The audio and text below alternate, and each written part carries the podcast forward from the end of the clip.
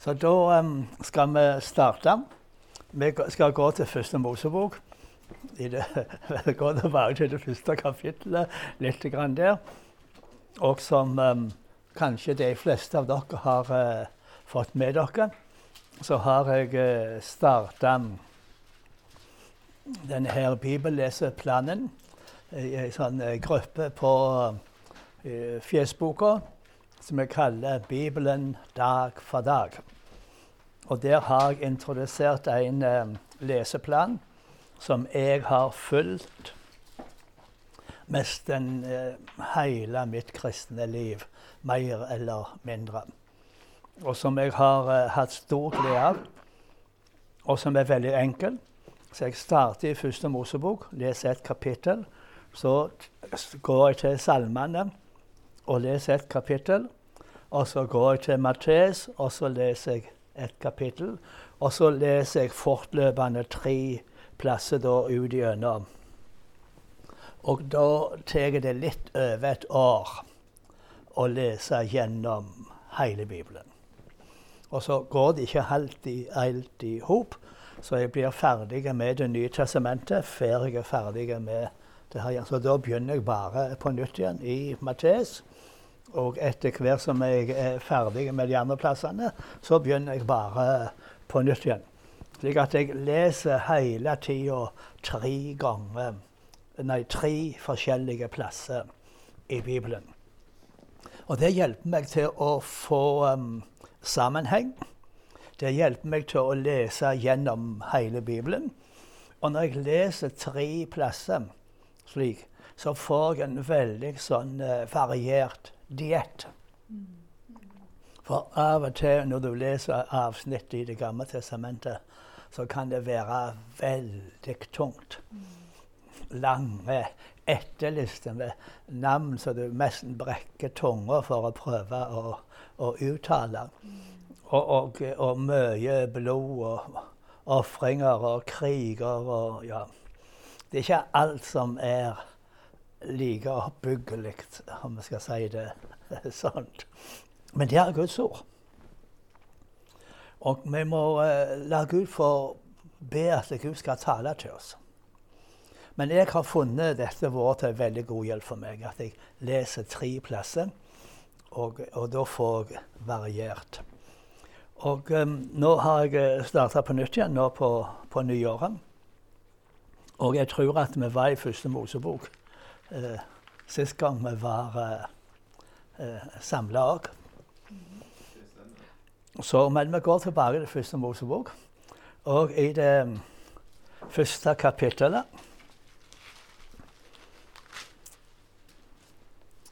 Og um, så er det slik at uh, alt det Gud skaper, alt det Gud har skapt, hele universet, alt i sammen, vitner om Gud. Og lære oss noe om Gud. Så, så, på en måte kan vi si at Gud har uh, gitt oss uh, to bøker. Han har gitt oss uh, Bibelen, som er Guds ord, og som Gud taler til oss igjennom.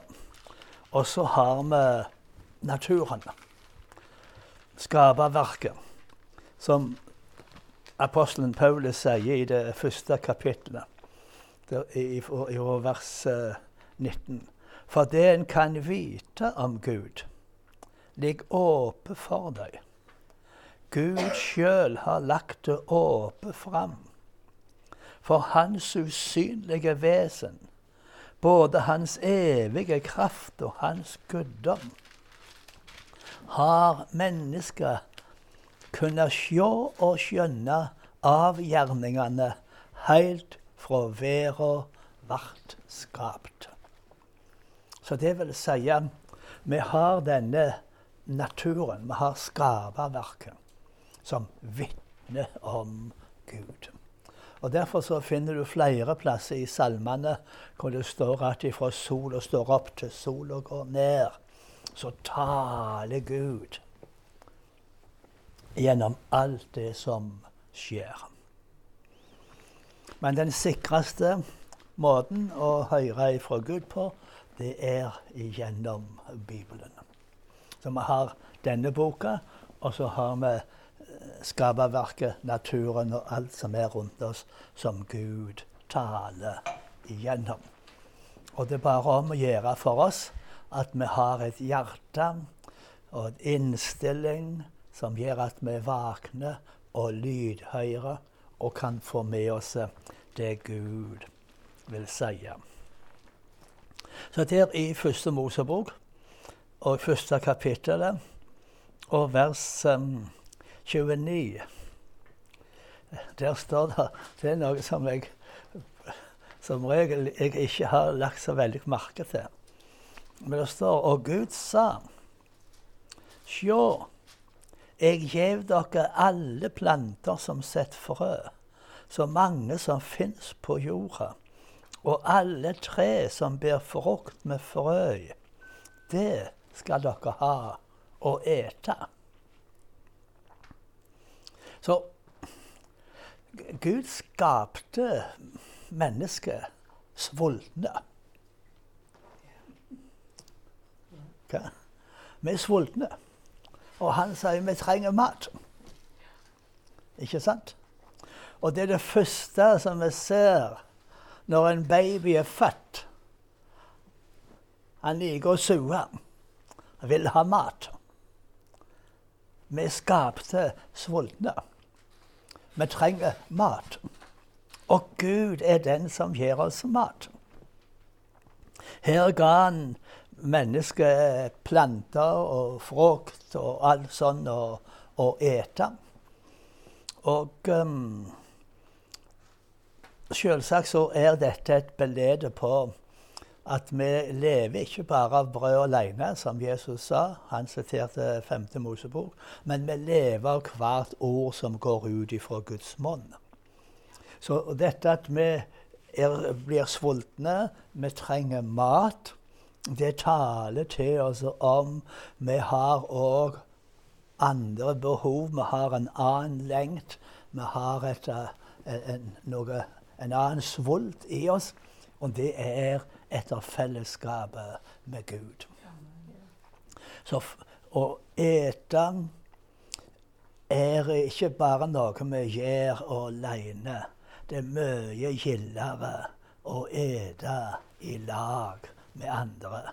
Så når Det er så lenge siden jeg ikke var gift at jeg kan ikke huske nesten sagt hvordan det er å ete alene. Men det, maten smaker veldig mye bedre når du spiser i lag med noen du setter pris på, noen du er glad i. I et fellesskap, i en familie. Eh, og, og, og derfor så er òg et måltid det er, det er knytta til fellesskap. Og som, altså, Når vi kommer til Det nye testamentet, så blir det mange plasser omtalt at Gud inviterer oss til et måltid. Til et festmåltid. Et bryllupsmåltid. Jesus står og banker på døra, står det i Johannes' åpenbaring. Og om noen vil åpne denne døra, så vil jeg gå inn til han og holde måltid med han. Og så innstifta Jesus et paktsmåltid, et fellesskapsmåltid. Hvor han tok brødet og brøt det og sa, 'Ta dette og et dette, for dette er min kropp, som er gjeven for dere.' Så tok han begeret, og så sa han, 'Dette dette er det nye pakt i mitt blod. Dette er paktsblodet som blir rent ut til tilgjeving for syndene. Så ofte som dere drikker dette, gjør det til minne om meg. Og så sier han, Paulus òg, der i 1. Korinterbrev 10, at brødet som vi bryter, brødet som vi takker for, gjør det ikke samfunn med Jesu kropp blodet som vi drikker. Ja, det er ikke samfunn, får vi ikke del i Jesu blod. Så vi har noe fysisk. Brød og vin. Og så får vi del i Kristus. Og så har vi del i hverandre. Og så formvarter vi denne kroppen, dette fellesskapet, Guds forsamling i sammen. Det er vidunderlig. Og det er derfor det er så viktig å komme sammen for å holde måltid i sammen for Herrens åsyn. Og der i apostelgjerningene 2, hvor det står om de, om de første kristne, så, så i, i, vers 42 eh, så står det de holder seg trufast til læra fra apostlene, til fellesskapet, brødsbrytinga og bønnene. Så det her er de, de, det som vi kaller for de, de fire b-ene. Det er, eh, det er Bibelen, læra til apostlene. Og så er det fellesskapet, broderfellesskapet. Og så er det brødsbrytinga, og så er det bønnene. Dette er de fire grunnleggende elementer i det kristne hverdagslivet. Det er pilarene i Guds forsamling. Og så ser vi hvordan de kommer sammen. Og i vers 46 står det med ett sinn samla de seg hver dag på tempelplassen. Og i heimene brøt de brødet og åt i lag med ekte og inderlig glede. De sang og lova Gud og var godt like av alt folket. Og hver dag la Herren til nye som let seg frelse. Så her ser vi de samla seg, og de åt i lag med ekte og inderlig glede. I heimene. De braut brødet og de åt i lag med ekte og inderlig glede. De sang og lova Gud og var godt like av alt folket. Her har vi noen veldig grunnleggende ting som tilsynelatende er enkelt, men det er noen veldig dype sanninger i dette. Så slik starta den kristne forsamlinga, og dette var livet. Og um, Så det, det, er viktig å komme sammen. For det er jo slik at uh, hver for oss så er vi Guds barn.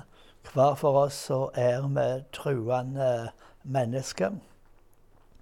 Men når du står opp om morgenen, når du går ut av huset, når du setter deg i bilen eller sykler eller går eller uh, gjør hvordan du gjør. Men du kommer til andre truende. Så, så, så begynner vi på en prosess.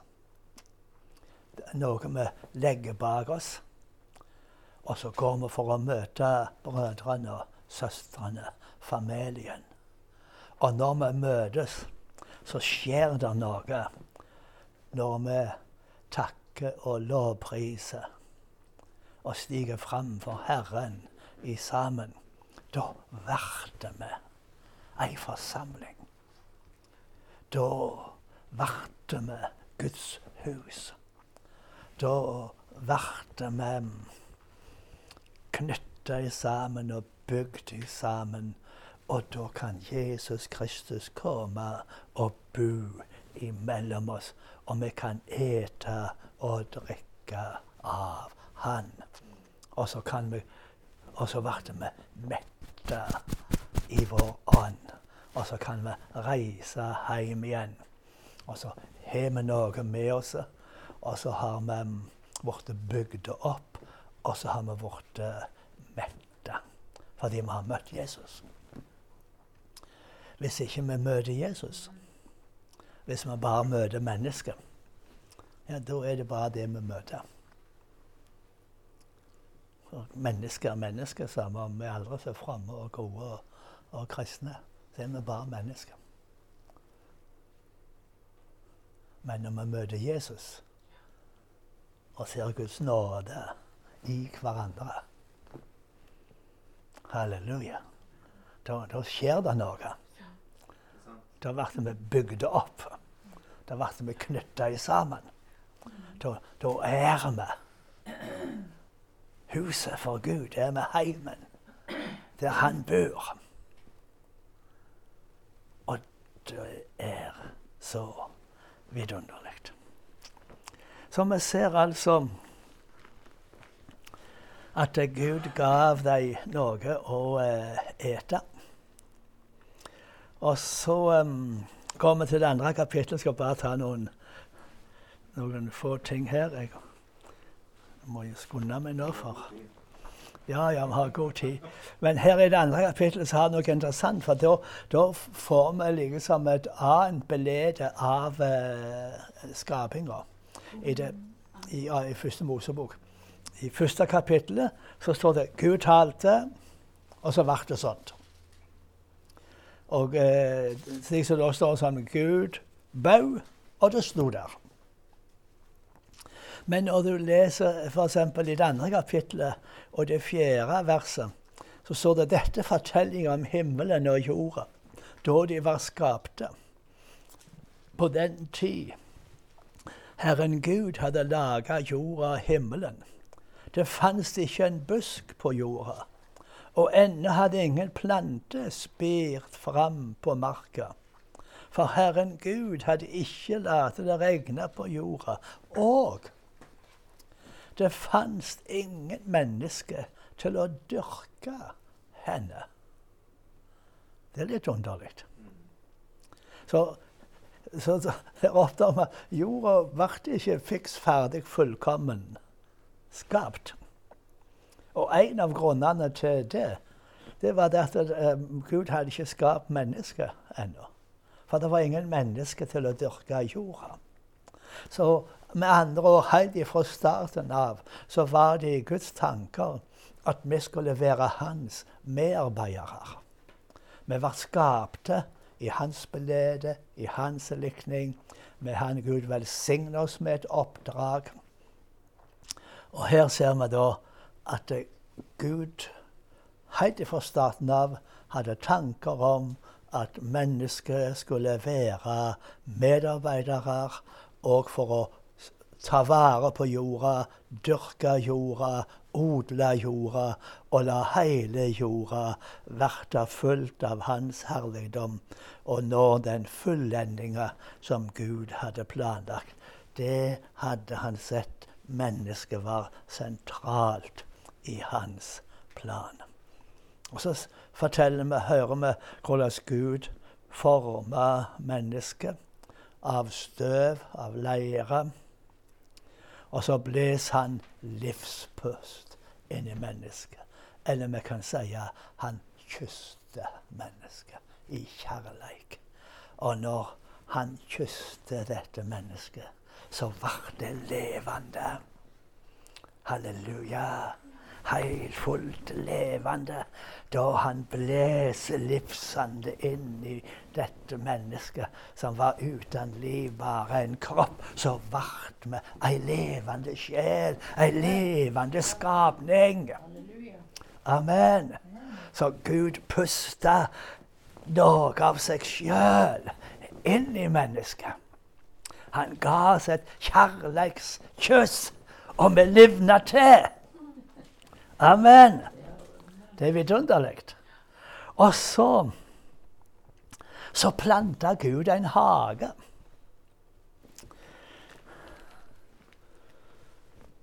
Og så setter han mennesket han hadde forma i denne hagen. Og Gud, står der, let alle slags tre vokse opp av jorda. Forlokkende å se på og gode å ete av. Det var så levende for meg. Han, han laga en hage. Og i denne hagen var det alle slags tre. De var forlokkende å se på og gode å ete av og midt i hagen livsens tre og treet til kunnskap om godt og vondt. Men legg merke til her dette, han, han, Gud setter mennesket i en hage hvor det var mange, mange, mange flotte, forlokkende tre og frukter som var gode å ete av. Amen. Og så går denne elva ut som ble i, i fire eh, eh, elver, retninger, som forteller òg at eh, mennesket skulle eksportere denne hagen til jordas fire hjørner og forvandle jorda til en Guds hage. Og så setter han mennesket i hagen. De skulle dyrke og passe han.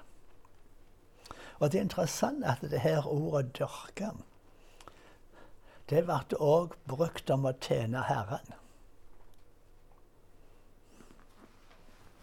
Så det er interessant at den første måten, første måten området i å tjene Herren, det er i arbeidet med skaperverket. Så i Bibelen finnes der ikke dette greske dualistiske skillet mellom ånd og sjel. Mellom det åndelige eller det fysiske og materielle. Det skillet finnes ikke i Bibelen, i Guds rike. For denne verden, denne skapte materielle verden, fysiske verden, er god og fin og er skapt av Gud. Det er Guds verk. Derfor må det være godt. Og når vi tar oss av, når vi dyrker jorda, når vi arbeider, når vi bygger hus, når vi trener folk, når vi, når vi gjør alt dette daglige arbeidet, så er det som ei tjeneste for Gud. Så vi kan holde gudstjeneste. Og da har vi jo dette at uh, mennesket er skapt til å være både konge, prest og profet. Fordi, fordi Jesus Vi skapte i Guds belede. Og Jesus er Guds belede. Han er synlige bildet av Gud. Og han ble framstilt som vår ypperste prest. Han er vår konge. Og han er den profeten som Moses sa Gud skulle reise opp. Så vi finner disse tre funksjonene i Jesus. Han er konge, prest og profet. Og slik er òg vi skapt til å ha en prestelig funksjon, en profetisk funksjon og en kongelig funksjon. På vegne av Gud, for å avspeile hans bilde.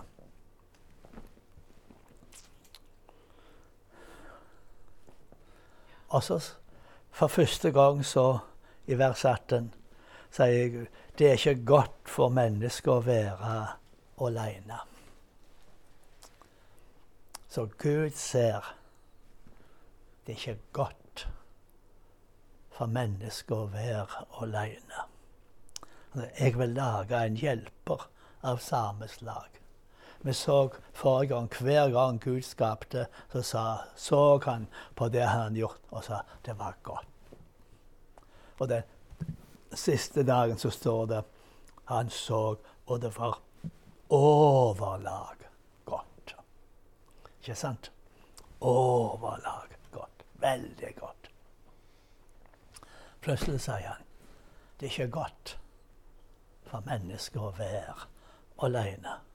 Vi skapte for fellesskap. Og så underviser han da Adam, for at Adam òg skal forstå dette. Og han da Han hadde da forma alle dyra på jorda, og så fører han dem fram for Adam. Og så skal Adam sette navn på dem. Det er en profetisk funksjon. Det er å si hva, som, hva han ser, og hvem de er. Fordi det å sette navn på, det er å avsløre karakteren, egenskapene, til den eller det vi setter navn på. Det er å vise hva som er naturen og selve essensen. Så han setter navn på dem, alle sammen. Slik som han, og det ser vi òg når, når, Gud skapte da. Men han, han, han, finner ingen, står der, som var av samme slag. Han oppdager det kommer to og to. Alle dyra kom i par, han og hun. Men det var ingen som han kunne ha fellesskap med. Det var ingen som var hans like. Det var ingen som var av samme slag som han. Så, han, så Gud underviste han, og så skapes denne lengten i Adam etter å finne en medhjelper, en partner. En ha, han kan ha fellesskap med. En som er lik han. En som er av samme slag som han. Og så skaper Gud mennesker. Unnskyld. Han skaper kvinner, vet du. Han tok ut av dette ribbeinet og, og forma ei kvinne. Og så fører han denne fram for Adam. Og Adam, når Adam ser Eva, så sier han Wow! Wow! Legg merke til han sier. Nå er det bein av mine bein, kjød av mitt kjød. Hun skal kalles kvinne for av mannen er hun teken. Så han, visste, han, han sov jo. Han var jo en djupesøvn. Så han visste ikke hva Gud gjorde. Og, eh, men han våkna opp etter denne savnen. Og så merker han antagelig det er noe nytt. Det er en ny skapning i hagen. Han kunne merke atmosfæren. Duften eller angen eller hva det skulle være. Han, han merker det er en nyskapning. Og så begynte han antagelig å lete og springe rundt, og plutselig så står han der framfor kvinna. Wow! Og så ser han hvem hun er. Hun, hun, hun er samme slag. Hun, det, det, det, det, er mine bein, det er mine kjøtt. Han kjente seg igjen i henne. Ikke sant? Altså, hun skal kalles kvinne, for mannen er hun teken. Og den profetiske salvinga som var over han, som gjorde at han så dette. Han forsto dette. Og så seinere altså, ga han henne navnet Eva fordi hun var mor til alt levende. Så du ser den prosessen der. Og så hopper vi til det tredje kapittelet. Der har vi dette tragiske syndefallet.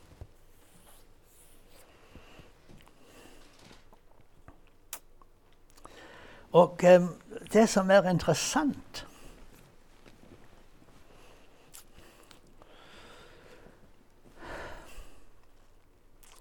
Det var at um, når han, uh, slangen kommer, så stiller han et spørsmål. Har Gud virkelig sagt? Og så vrei han på det Gud hadde sagt. For Gud hadde ikke sagt det han sa. Han sa at dere ikke skal ete av noe tre i hagen. Gud hadde jo sagt de kunne ete av alle trærne i hagen uten det ene. For når de åt av det ene treet, så skulle de dø.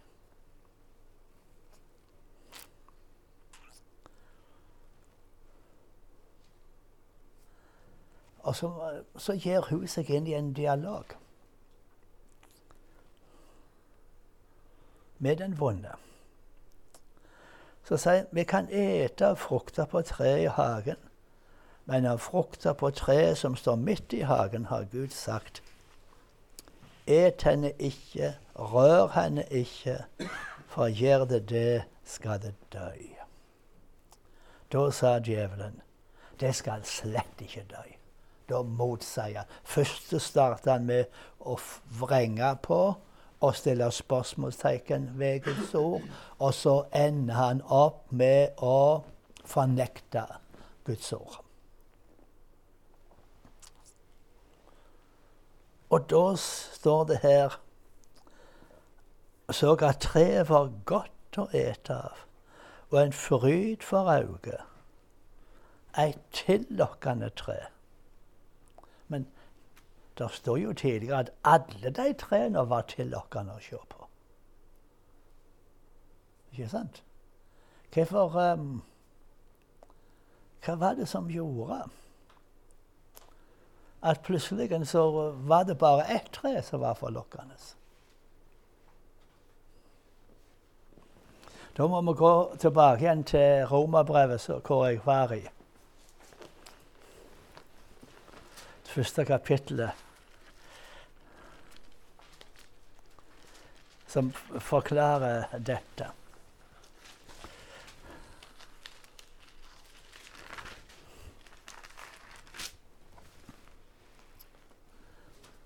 Vers 21. De kjente Gud, men likevel ære og takke deg, Han ikke som Gud.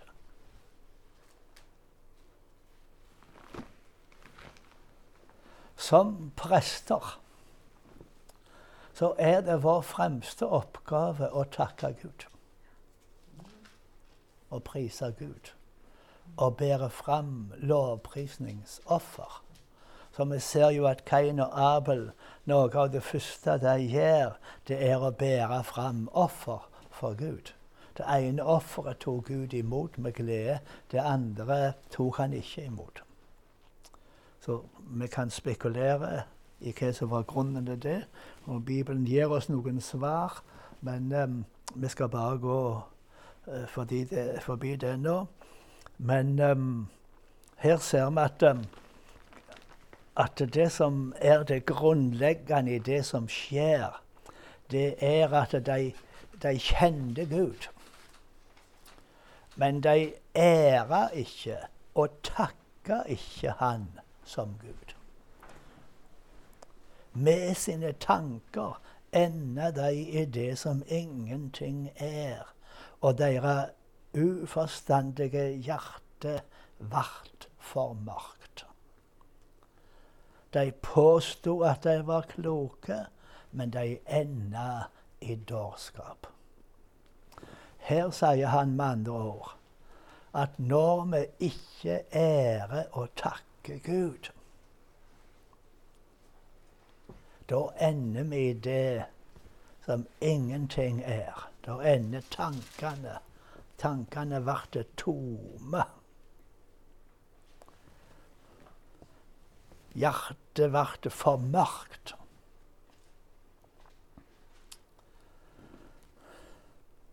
Så det å ære og takke Gud, det er helt grunnleggende. Jeg, jeg håper og, om vi skal kunne få si noe mer om dette og glede seg i Herren. Vi, vi har nettopp feira jul. Hva er det jula handler om? Ja, jeg forkynner dere ei stor glede som for hele jorda, for alle mennesker. Så gleda er, er, så sentral. Det er det som er oppdraget vårt. Det er å komme til verden med glede. Ei stor glede for alle mennesker. Amen. Så, og, og, derfor er dette å glede seg i Herren så grunnleggende. Å glede seg i Herren er vår styrke. Så, så hvis vi skal vokse i trua, hvis vi skal vokse i nåde og kjennskap til Gud, så må vi, så må vi glede oss i Herren. Da må vi ære Han. Da må vi takke Han. Og det er det som er noe av den store utfordringa for oss som lever i den vestlige verden. For vi lever i en rasjonell kultur hvor vi har naturlige, rasjonelle, fornuftige forklaringer på alle ting. Og i disse forklaringene så er det ikke plass til Gud. Maten har du kjøpt med dine egne penger. Du har arbeidet og slitt for det. Nei, nei. Det er gave fra Gud. Livet har du fått ifra Gud. Evnene dine til å arbeide og tjene penger har du fått ifra Gud. Gud har velsigna deg med en jobb. Gud har velsigna deg med talenter.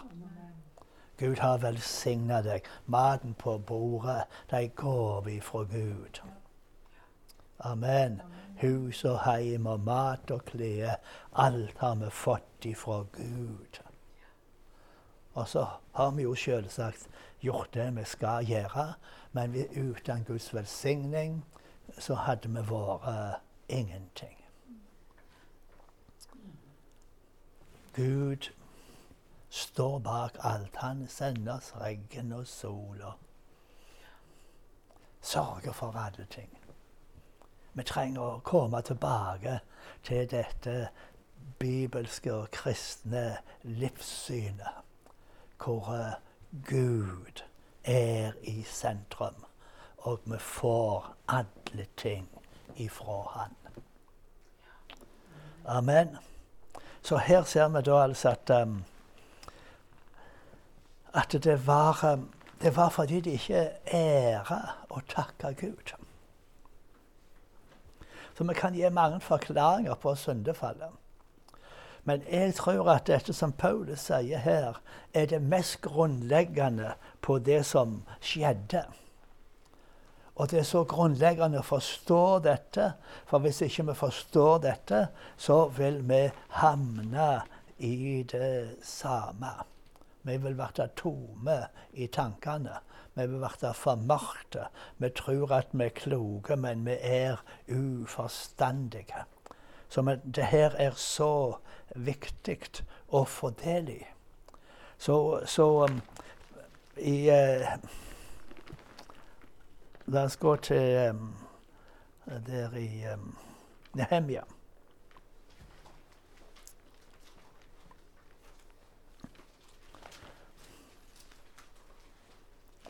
Nehemia 8, tror jeg. Ja.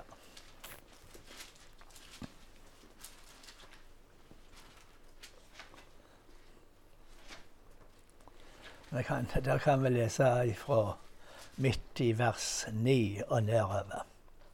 Denne dagen er heilag for Herren dere Gud. Dere skal ikke sørge og ikke gråte for hele folket gret da de hørte det som sto i loven. Da sa han til dem, Gå og et feite retter og drikk søt vin, og send mat som gaver til de som ikke har noe. For denne dagen er heilag for vår Herre. Vær ikke fullt av sorg, for gleda i Herren er dere styrke. Levittene roa folkemengda og sa, Vær stille, for dette er en heilag dag. Vær ikke fylte av sorg. Da gikk alt folket for å ete og drikke og sende gaver. De laga en stor fest, for de hadde skjønna det som var sagt dem. Amen. Vær ikke fullt av sorg, for gleda i Herren er dere styrke. Det var Nehemja. Nehemja 8 fra 9 til 12. Da ser vi at var, de hadde ei stor glede. Er det en vidunderlig lovprisning der? La oss bare ta med Hvis vi går til, det tolvte Det tolvte kapittelet. Der står det at de, de setter opp de her murene.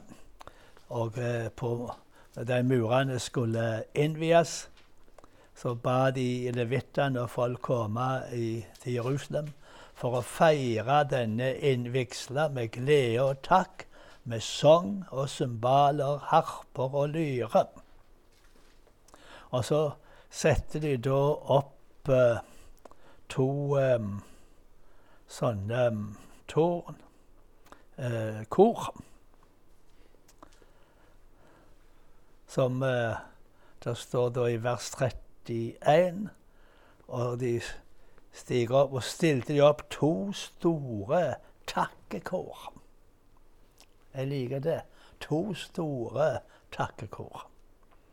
Og så står det Og eh, det her gikk da hver sin vei på murene.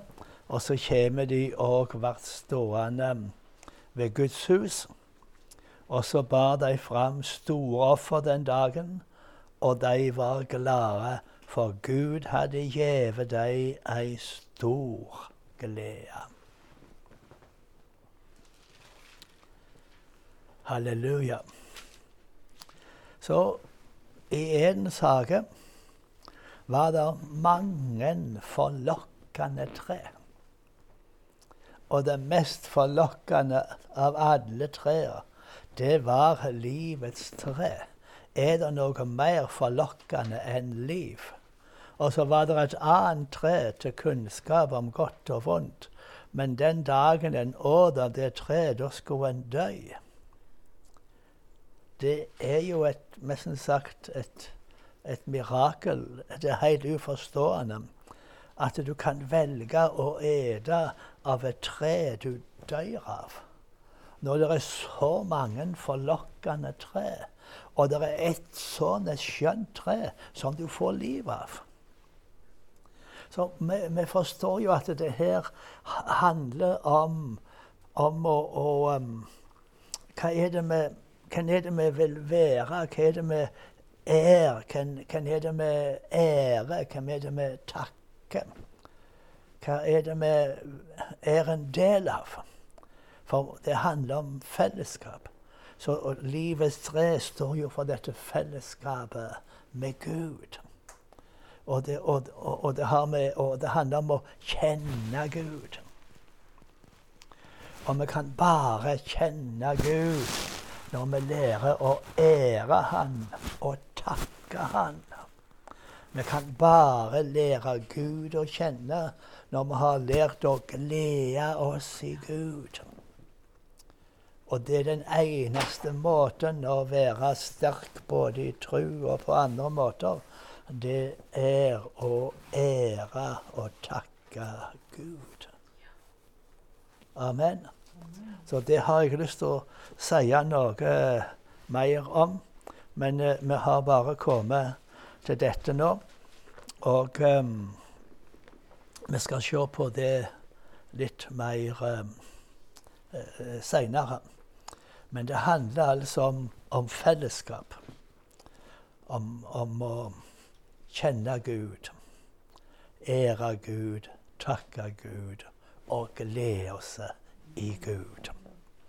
Glede er ikke ei sånn slags uh, kjensle, følelse, som kommer og går. Den ekte, gode glede er mye, mye djupere enn det. Så kanskje vi kan se litt på det og snakke litt om det.